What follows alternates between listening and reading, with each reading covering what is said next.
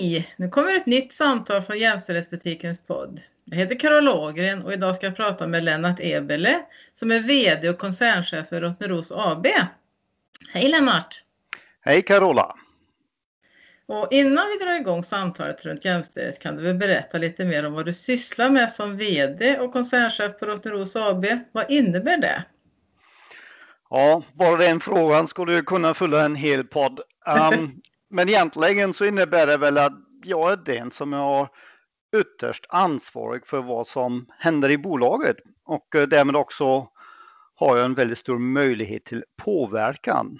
Eh, så att det är både för det företaget vi är men också för det vad vi gör. Och så mm. konkret så går mitt jobb ju ut på att eh, jag gör det som ägarna har genom styrelsen bestämt vi ska göra. Rottneros är ett börsnoterat företag. Mm. Vi har 13 000 aktieägare. Mm. Och genom bolagsstämman så tillsätter de ju styrelsen och styrelsen tillsätter mig. Eh, och sen eh, har vi ett arbete, en årscykel där vi har strategiarbeten, tittar på omvärldsfaktorerna, och ta fram en, ett mål för framtiden och en plan för framtiden hur vi tar oss dit, vilka resurser som behövs. Och eh, i den diskussionen har jag förmånen att vara med. Mm. Kan komma med inspel och, och ha en diskussion med styrelsen. Och jag försöker ju också få med min ledningsgrupp, för det är ju de som har spetskompetens i alla sina områden. Mm. Och så mm. tar vi tillsammans fram ett mål för verksamheten och en plan hur vi tar oss dit. Mm. Sen kommer vi till verkställandet och uppföljning av det vi gör. Och då blir det ju så att jobbet som VD gör ju att jag har ett ganska brett arbetsfält som sträcker sig överallt som vi gör inom företaget. Mm. Så jag försöker agera bollplank till mina närmaste, ställa frågorna så att de som är experterna kan komma på lösningar.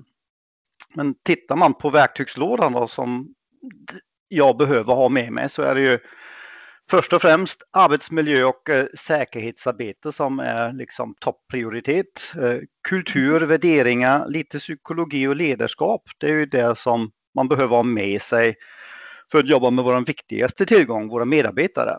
Ja, just det. Eh, men därutöver är också kunskap om produktion, försäljning, marknad, ekonomi, inköp och råvaror, utveckling, branschfrågor, kontakt med investerarna, ägarna, och en rad lagar och förordningar som gäller och förhåller sig till. Mm. det är som en uh, orkesterdirigent som försöker se till att det blir ett väldigt finstämmigt orkester som uh, mm. framför sitt uh, verk. Mm. Va, va, det är ju en koncern och hur, hur, hur, hur många anställda är det och det finns, ni finns i olika länder och sådär också. Jag har förstått. Och vad jobbar ni vad, vad gör ni för någonting? Berätta lite för Ja, Rottneros det är ju ja. jättegammal koncern. Vi är över 100 år gammal och vi har ju vårt ursprung i Rottneros strax söder om Sunne. Mm. Och vi gör ju massa, pappersmassa kan man säga. Det finns ju ja. mycket skog. Så skogen, virke är vår råvaror.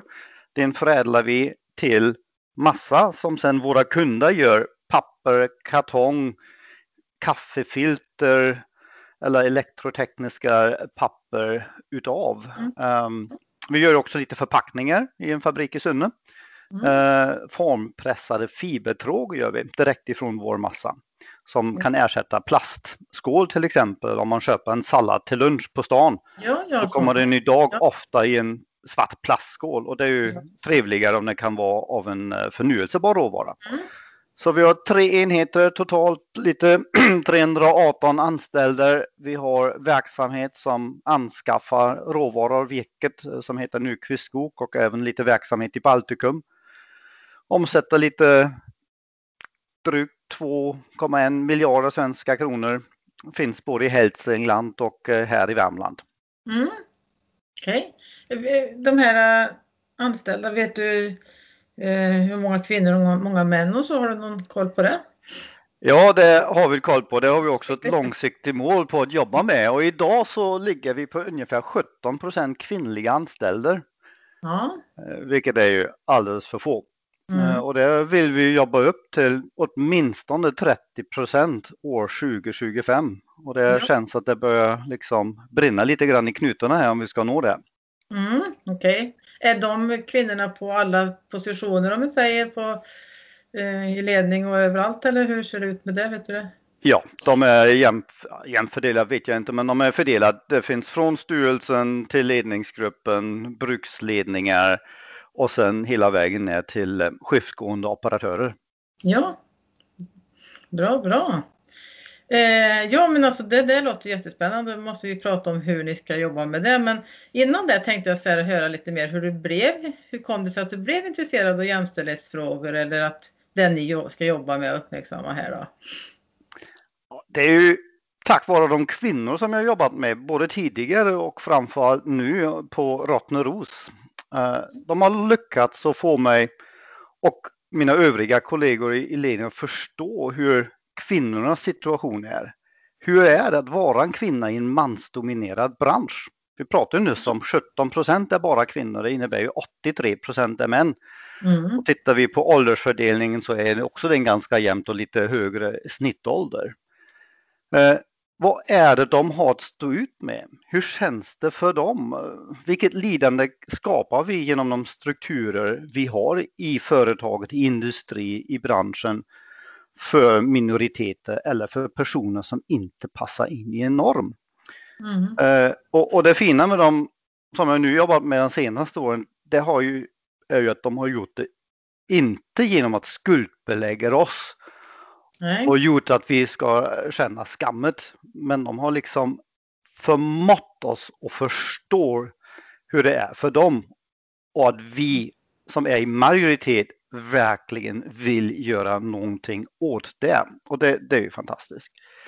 Sen tror jag också att det är ett resultat av mitt liv, min uppväxt, mina erfarenheter. Jag tycker mm. inte om när det inte är lika för alla. När mm. inte alla har samma värde, när det är okej okay att mobba dem som avviker ifrån normen. Mm. Jag kan ge ett exempel ur mitt liv. Jag är född 69 så numera är jag 52 i år. Mm. Jag är född och uppvuxen i Tyskland. Mm. Och när jag var 15 år gammal då bestämde jag mig att jag ville göra ett, eh, ett år i utlandet. Och då hamnade jag på ett engelskt internat som från början bara var för pojkar. Uh, sen på Nej. senare år, det var här mitten av 80-talet, då har de även öppnat upp för tjejer för de insåg ju att de behöver ju fler uh, elever för att det hela ska gå runt. Och, och pojkarna var oftast uh, från familjer som var någonstans ute i världen, du vet brittiska världsväldet som fanns mm. och finns överallt. Va? Så många av dem kom från den brittiska armén så de har en viss förhistoria med sig och då som tysk i England eh, i en sån miljö eh, så fick jag själv uppleva vad det innebar att inte vara en del av normen. Ja. Jag har inte lärt mig spela rugby eller cricket eh, från fem års åldern så jag stod ju bara vid sidan av planen och kunde inte delta på det sättet. Så jag fick uppleva också hur de som hade ansvaret, lärarna, och de hade också möjligheten och omtanken att göra någonting åt situationen och hur de agerade på ett väldigt fint sätt för att hjälpa mig i den situationen som jag var utsatt för under ett år. Ja, vad bra. Eh, så ja, jag tror man måste ha med sig lite grann mm. det perspektivet och inte vara en del av normen för att kunna förstå hur saker och ting är. Mm. Eh, så utifrån det, den jag är, så har jag alltid ansett att det är självklart att ingen ska fara, fara illa.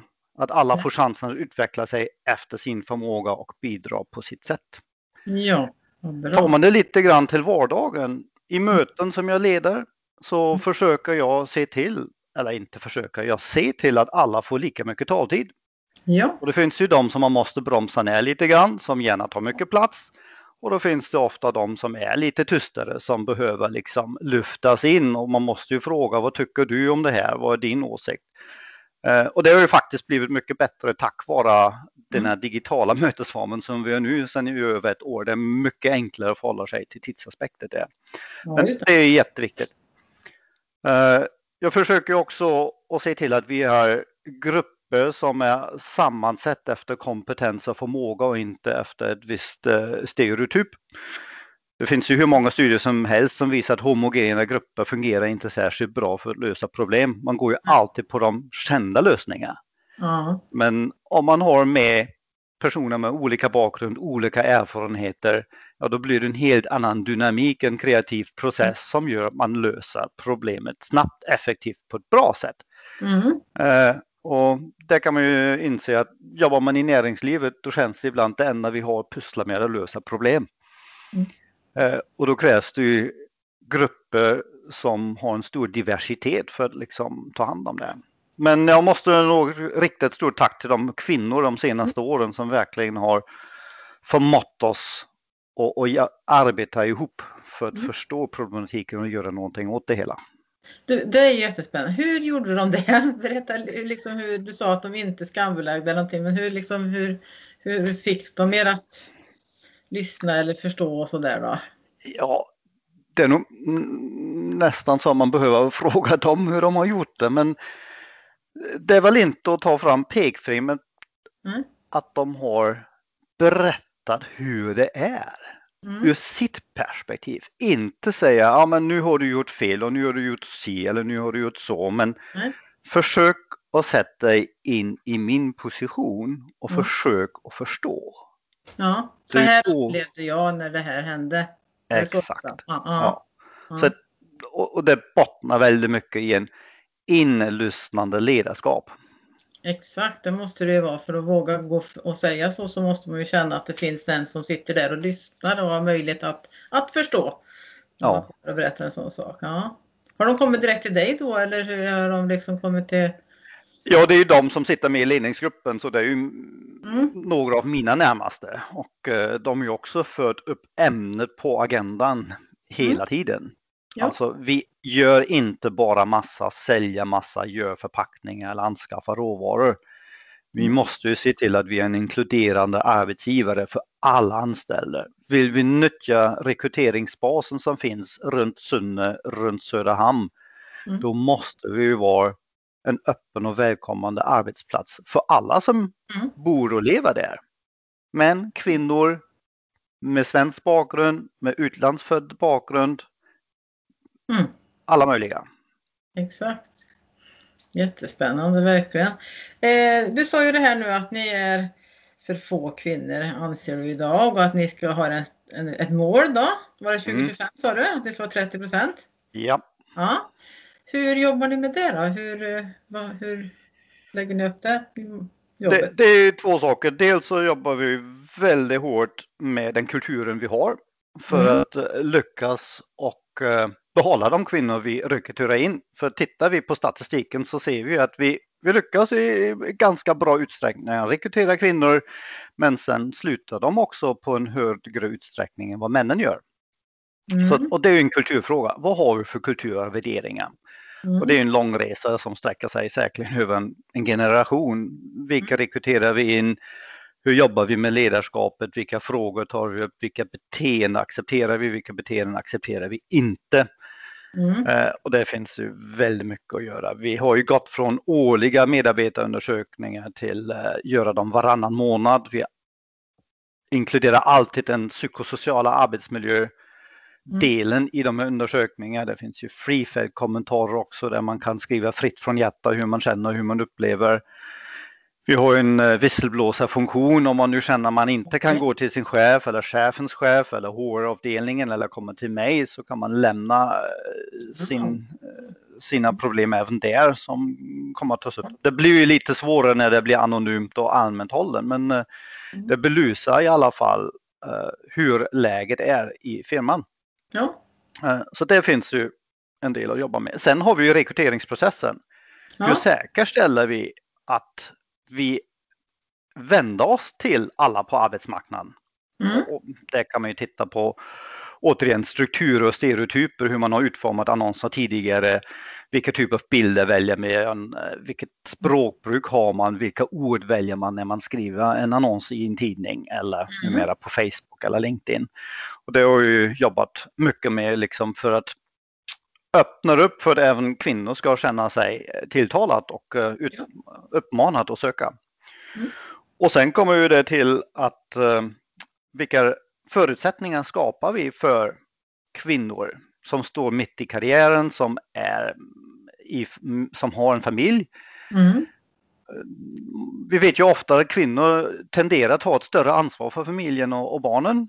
Mm. Eh, Och då blir det ofta svårare att passa det ihop med ett 8 till 5, 8 till 6 eh, jobb. 8-9 timmar om dagen om man ska vara den som första hand eh, åka till kuratorn på skolan eller ta hand om barnet när de är sjuka och vabba. Ja. Och det gäller ju att skapa flexibla arbetsmiljöer så man kan uppnå sina mål i arbetet snarare än att göra ett visst antal timmar på ett eh, visst eh, klockslag på dygnet. Mm. Flexibelt arbetssätt, målstyrd arbetssätt, jobbar när det passar ihop med familjens eh, behov. Kan ju vara på kvällen, kan vara på helgen att man jobbar och så har man lite ledig tid på, på veckodagen istället för att kunna Mm. kompensera det. Och det tror jag också vi har lärt oss mycket här eh, under coronaåret Ja. att det är faktiskt möjligt. Mm. Nu är det ju så, vi har strukturer, vi har industrier, vi har ju liksom en, en väldigt tydligt fysisk arbetsplats Mm. som vi alltid har känt, ja, men gör man sitt jobb då är man där. Eh, Mm. Men jag tror det har vi nog börjat tänka om för annars kommer vi inte förmå att få kvinnor till oss om de vill förena ett arbetsliv med ett familjeliv. Nej, precis. Nej. Mm. Har ni det där med obetalda hem och omsorgsarbetet och föräldraledighet och vab och sånt, det är jag jätteintresserad av. Jag tycker liksom att den biten, det är ju så att det påverkar ju verkligen arbetsliv och allting. Eh, jobbar ni även med männen där, att uppmuntra dem kanske att eh, ta del av den biten mer eller, eller hur? Absolut, alltså de förutsättningar vi skapar är ju inte exklusivt för kvinnor. Det är ju förutsättningar som ska finnas för alla. Sen Mm. är det ju lite beroende på vilken typ av uppgift man har. Är man en skiftgående operatör då blir det väldigt svårt att jobba hemifrån för du måste sitta på plats framför en dator åtta timmar i sträck. Eller på en processavsnitt. Eh, Så då är det mycket svårare, men även där ser vi att ska vi lyckas rekrytera, och vi vet inte hur vi ska lösa det, men de män och kvinnor som tycker om att jobba skift vill ju också vara närvarande på sina familjer. Eh, Och det måste ju skapas flexibilitet och det, det är en Mm. nöt som vi måste knäcka framöver. Eh, Mm. Gäller det daggående, då är det nog lite enklare att att lösa det rent generellt. Det är ju bara att man måste släppa den här tanken att man måste vara på plats för att man jobbar. Det är inte liksom kopplat till in och utstämpling. Nej, men precis. Nej, nej just det. Nej, men Men vi, skap, vi vill gärna skapa eh, förutsättningar för både män och kvinnor vad gäller vab och föräldraledighet. Absolut, och det är ingen, ingen tvekan. Nej, för det är ju som sagt var så att eh, för framtiden så behöver vi nya samhällsmedborgare. Ja, så att eh, det är viktigt att vi har möjlighet både som kvinnor och män att, att vara med dem och ta hand om dem och uppfostra dem och allt det så att de kommer ut i samhället sen och är bra samhällsmedborgare som ni kan anställa sen. Ja. Precis, det är ju det vi hoppas. Ja, jättebra. Ja. Eh, jag har en fråga här med det här med be- berätta lite hur du upplever olika sammanhang i ditt arbete gällande jämställdhet. Alltså det vill säga att kvinnor och män ska ha samma makt att forma samhället och sitt eget liv, lika rättigheter, möjligheter och skyldigheter i alla väsentliga områden i vårt samhälle. Är det så? Har kvinnor och män det? Det är en stor fråga, men jag vill bara ta med de här. Vad betyder jämställdhet? Ja, om man tittar på har de lika rättigheter och möjligheter. Enligt lagen har ju vi allihopa samma Mm. möjligheter och rättigheter. Men i praktiken är det ju inte så. Mm. Eh, och då får man ju fråga sig, vad är praxis, vad är normen? Vi har redan berört det. Vilka Mm. maktstrukturer finns det nu för några veckor sedan? Med den 8 mars, internationella kvinnodagen, publicerade Dagens Industri en lista över kvinnliga ledare i näringslivet som är en liten skara, absolut inte jämställd. Och då kommer man ju in i rekryteringsfrågan. Vilka arbetsmiljöer skapar vi? Mm. Och eh, hur löser vi de utmaningar som finns för att Mm. kvinnor kan göra en karriär och eh, förena det med för ett familjeliv. Ja. Eh, Mm. Så det är ju det är ju stora frågor men det gäller ju att jobba med dem hela tiden. Eh, Mm. Och även om jag nu har tagit del av en del studier så är det ju också så att vi kan ju inte inte prata om corona och pandemin. eh, Nej. Hur less vi är kanske på det vid det här laget. Och då vet man ju att pandemin kommer ha väldigt stora negativa konsekvenser för jämställdhet i hela världen. Mm. Eh, barn som inte går i skolan längre och som inte kommer tillbaka till skolan efter de har varit borta ett år, all den kunskapen de har förlorat. Och det är också i en större grad troligen att kvinnor kommer att bli gravida, kommer att föda barn och Mm. går in i ett familjeliv istället för att skapa sig ett eget liv och en karriär och stå på egna ben. Mm. Mycket mer så i andra länder och världsdelar än, än här hos oss såklart. Mm. Men jag tycker också samtidigt så är har ju gett oss en möjlighet att förändra vårt syn på arbetsplatsen i och med att en del Mm. har jobbat hemifrån. Vår verksamhet har pågått under det här året trots alla de utmaningar som har funnits att vi har gått över till ett digitalt sätt att arbeta. Och det gör ju att vi på enklare sätt kan behålla det som är bra från det här året för att utveckla oss framåt. Precis, mer flexibelt på det sättet, ja absolut. Precis. Mm. Mm. Eh, men du märker ju skillnaden, det har vi ju hört mycket nu här då. Och tankar har du ju också delat med dig till oss. Eh, men har du några råd, rekommendationer eller idéer om hur vi ska få samhället mer jämställt? Att fler vill jobba med, med jämställt samhälle. För jag kan ju, det, det är ju liksom det här med motstånd och så. Alltså, man, man får ju ofta motstånd också när man jobbar med sådana här frågor. Har du, har du känt det? Ja, det har jag känt. Vi tar ett exempel. Vi, vi har varit rätt så frikostiga med alkohol i samband med interna tillställningar, julbord eller pensionärsavtackningar. Och det har ju uppstått oftast situationer för våra kvinnliga kollegor som var väldigt obehagliga. Att Mm. någon smyger upp bakom en kvinnlig kollega på baren efter julbordet, lägger händerna på axlarna upp mot halsen och vispar i örat, nu är det dags att gå upp till rummet. Mm. Utan att de har ett inledningsförhållande såklart. Och det är ju totalt oacceptabelt och sånt händer ju först när alkohol kommer med in i spelet. Mm. Och det har vi bestämt oss för. Nej, vi ska inte bidra till att skapa de här situationer. Företaget bjuder inte på alkohol längre. Sen kan jag inte förbjuda någon att inte dricka alkohol. Nej. Men det får man ju göra för, för egen räkning. Mm. Och det är ju också så att ja, om inte kvinnorna hade lyckats att berätta det här som vi pratade om Mm. inledningsvis, hur det här upplevs. Sånt har jag själv aldrig upplevt. Så jag Nej. kan inte ens föreställa mig hur det ska kännas att stå där och få den här Mm. väldigt obehagliga känslan. Så det gäller ju att ha ett stort ödmjukhet och förståelse, att verkligen vilja förstå hur andra kan ha det för att kunna därefter agera och göra någonting. Mm. Eh, Men det händer saker. Mm. Vi ser ju att normerna bryts. Jag var i ett bankmöte häromdagen, precis som nu, digitalt. Då har man ju en skärm framför sig och det är Teams, då har var och en en lika stor del av skärmen. Vi har fem i mötet så jag hade en liten ruta och alla mina Mm. med eh, deltagare fyra lika stora rutor och det var fyra kvinnor där. Och Mm. jag var dessutom näst äldst och då kände jag efteråt också att ja, så här känns det när man är ensam. När man är i minoritet i ett sånt här möte och hur påverkar det hur påverkar det mig och mitt sätt att uttrycka mig? Mm. Eh, Jag börjar bli lite tystare. Mm. Alltså jag känner liksom, nej, det, här händer det någonting. Och hur har det varit för alla kvinnor i alla otaliga möten där vi har varit tio män och en kvinna? Mm. Alltså om man inte verkligen tänker på att hon kanske får säga sitt först innan alla andra har sagt sitt och så vidare. Så skapa de här förutsättningarna och strukturer. Ja, exakt. Ja, för det är ju ofta de säger så här, ja men som kvinna, ta för dig, måste ta för dig lite mer och vara lite mer så här. Och det är ju inte så lätt som sagt var, nej, utan och då blir det ju motstånd på grund av det kanske om man liksom, ja men vad hon pratar om bara, ta, ja, så att det blir ju, alltså hur man än gör ibland så kan det vara att det blir liksom ett motstånd. Vill man ha motstånd så blir det, spelar ingen roll vad man gör utan då blir det, då hittar man liksom den Ja, det handlar ju om makt och, och maktstrukturer Mm. och kanske en och annan känner sig inte för lika säker i sig själv och, och man har sin självidentitet genom att ha en viss position och den blir plötsligen ifrågasatt. Mm. För det är ju kompetens istället för makt som man eh, värderar. Mm. Och då, då ränner nu en och annan självbild ganska fort. Och då kanske man tar till olika eh, metoder Mm. härskartekniker för att liksom försvara sig.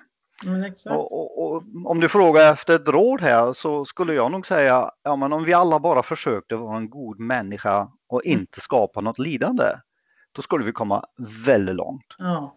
Börja med att förstå personer som du har framför dig och hur de upplever situationen istället att gå in och berätta hur du själv har upplevt situationen och försvara och förklara ditt agerande. Mm. Då kommer vi väldigt, väldigt långt tror jag. Ja, ja. Precis som det här du sa att man eh, reflekterar i sitt eget liv, sin egen känsla, att man hela tiden har det här empatiska med att ja, men hur kände jag själv då? Hur tänkte jag själv? Hur upplevde jag själv? Och liksom försöka eh, relatera till andra människor på det här viset. Det låter ju jättebra, en väldigt bra idé. Andra råd som är liksom rent så här struktur som du pratade om också att eh, till företag och verksamheter med att skapa i verksamheten strukturer kanske också? Har du något sånt? Ja, ta hjälp, alltså börja med en analys. Hur ser det ut?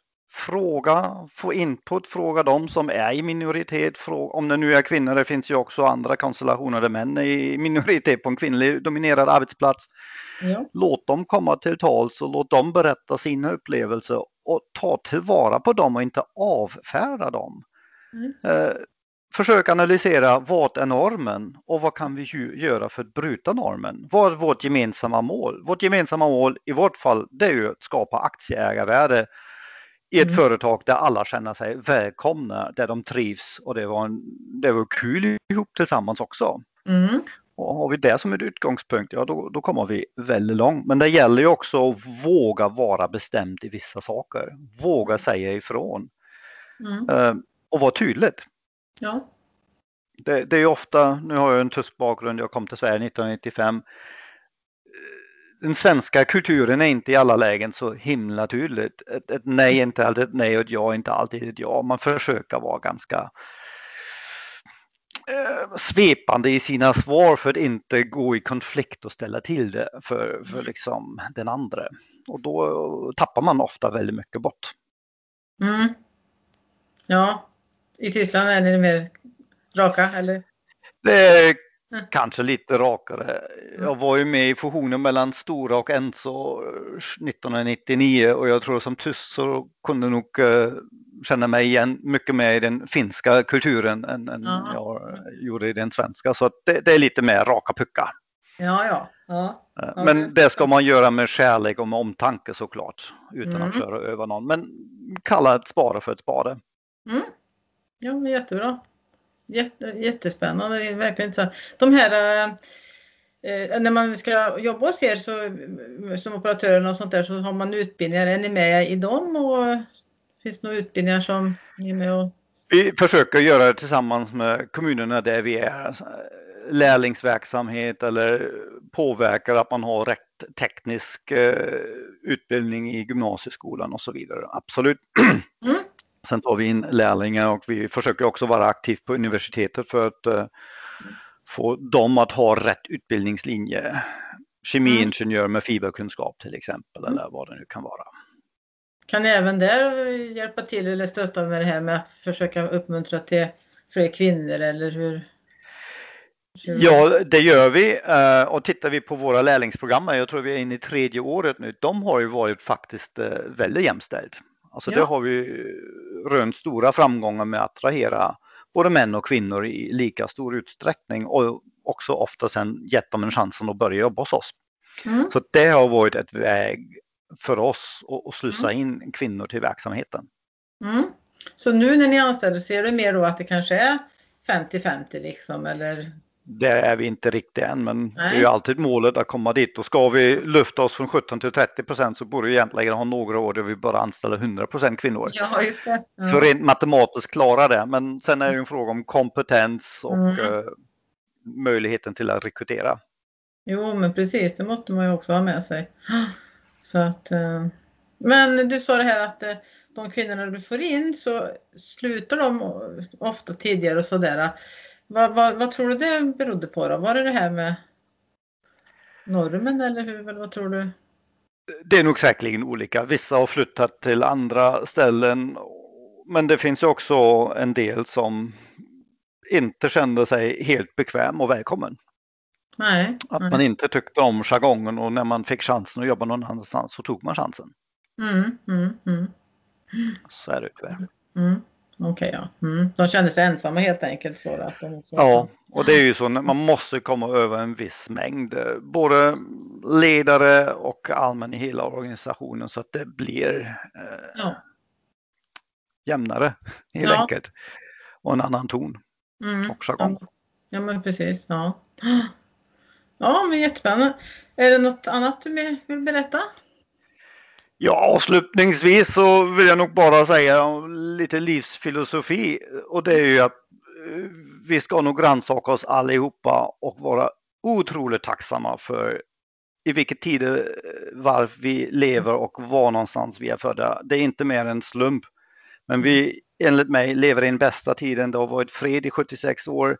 Vi lever i länder här i Västeuropa och västvärlden där det är demokratier och yttrandefrihet. Det finns inte mycket att gnälla över om vi jämför oss med hur det är på att leva på södra halvklotet. Så var innerligen tacksam.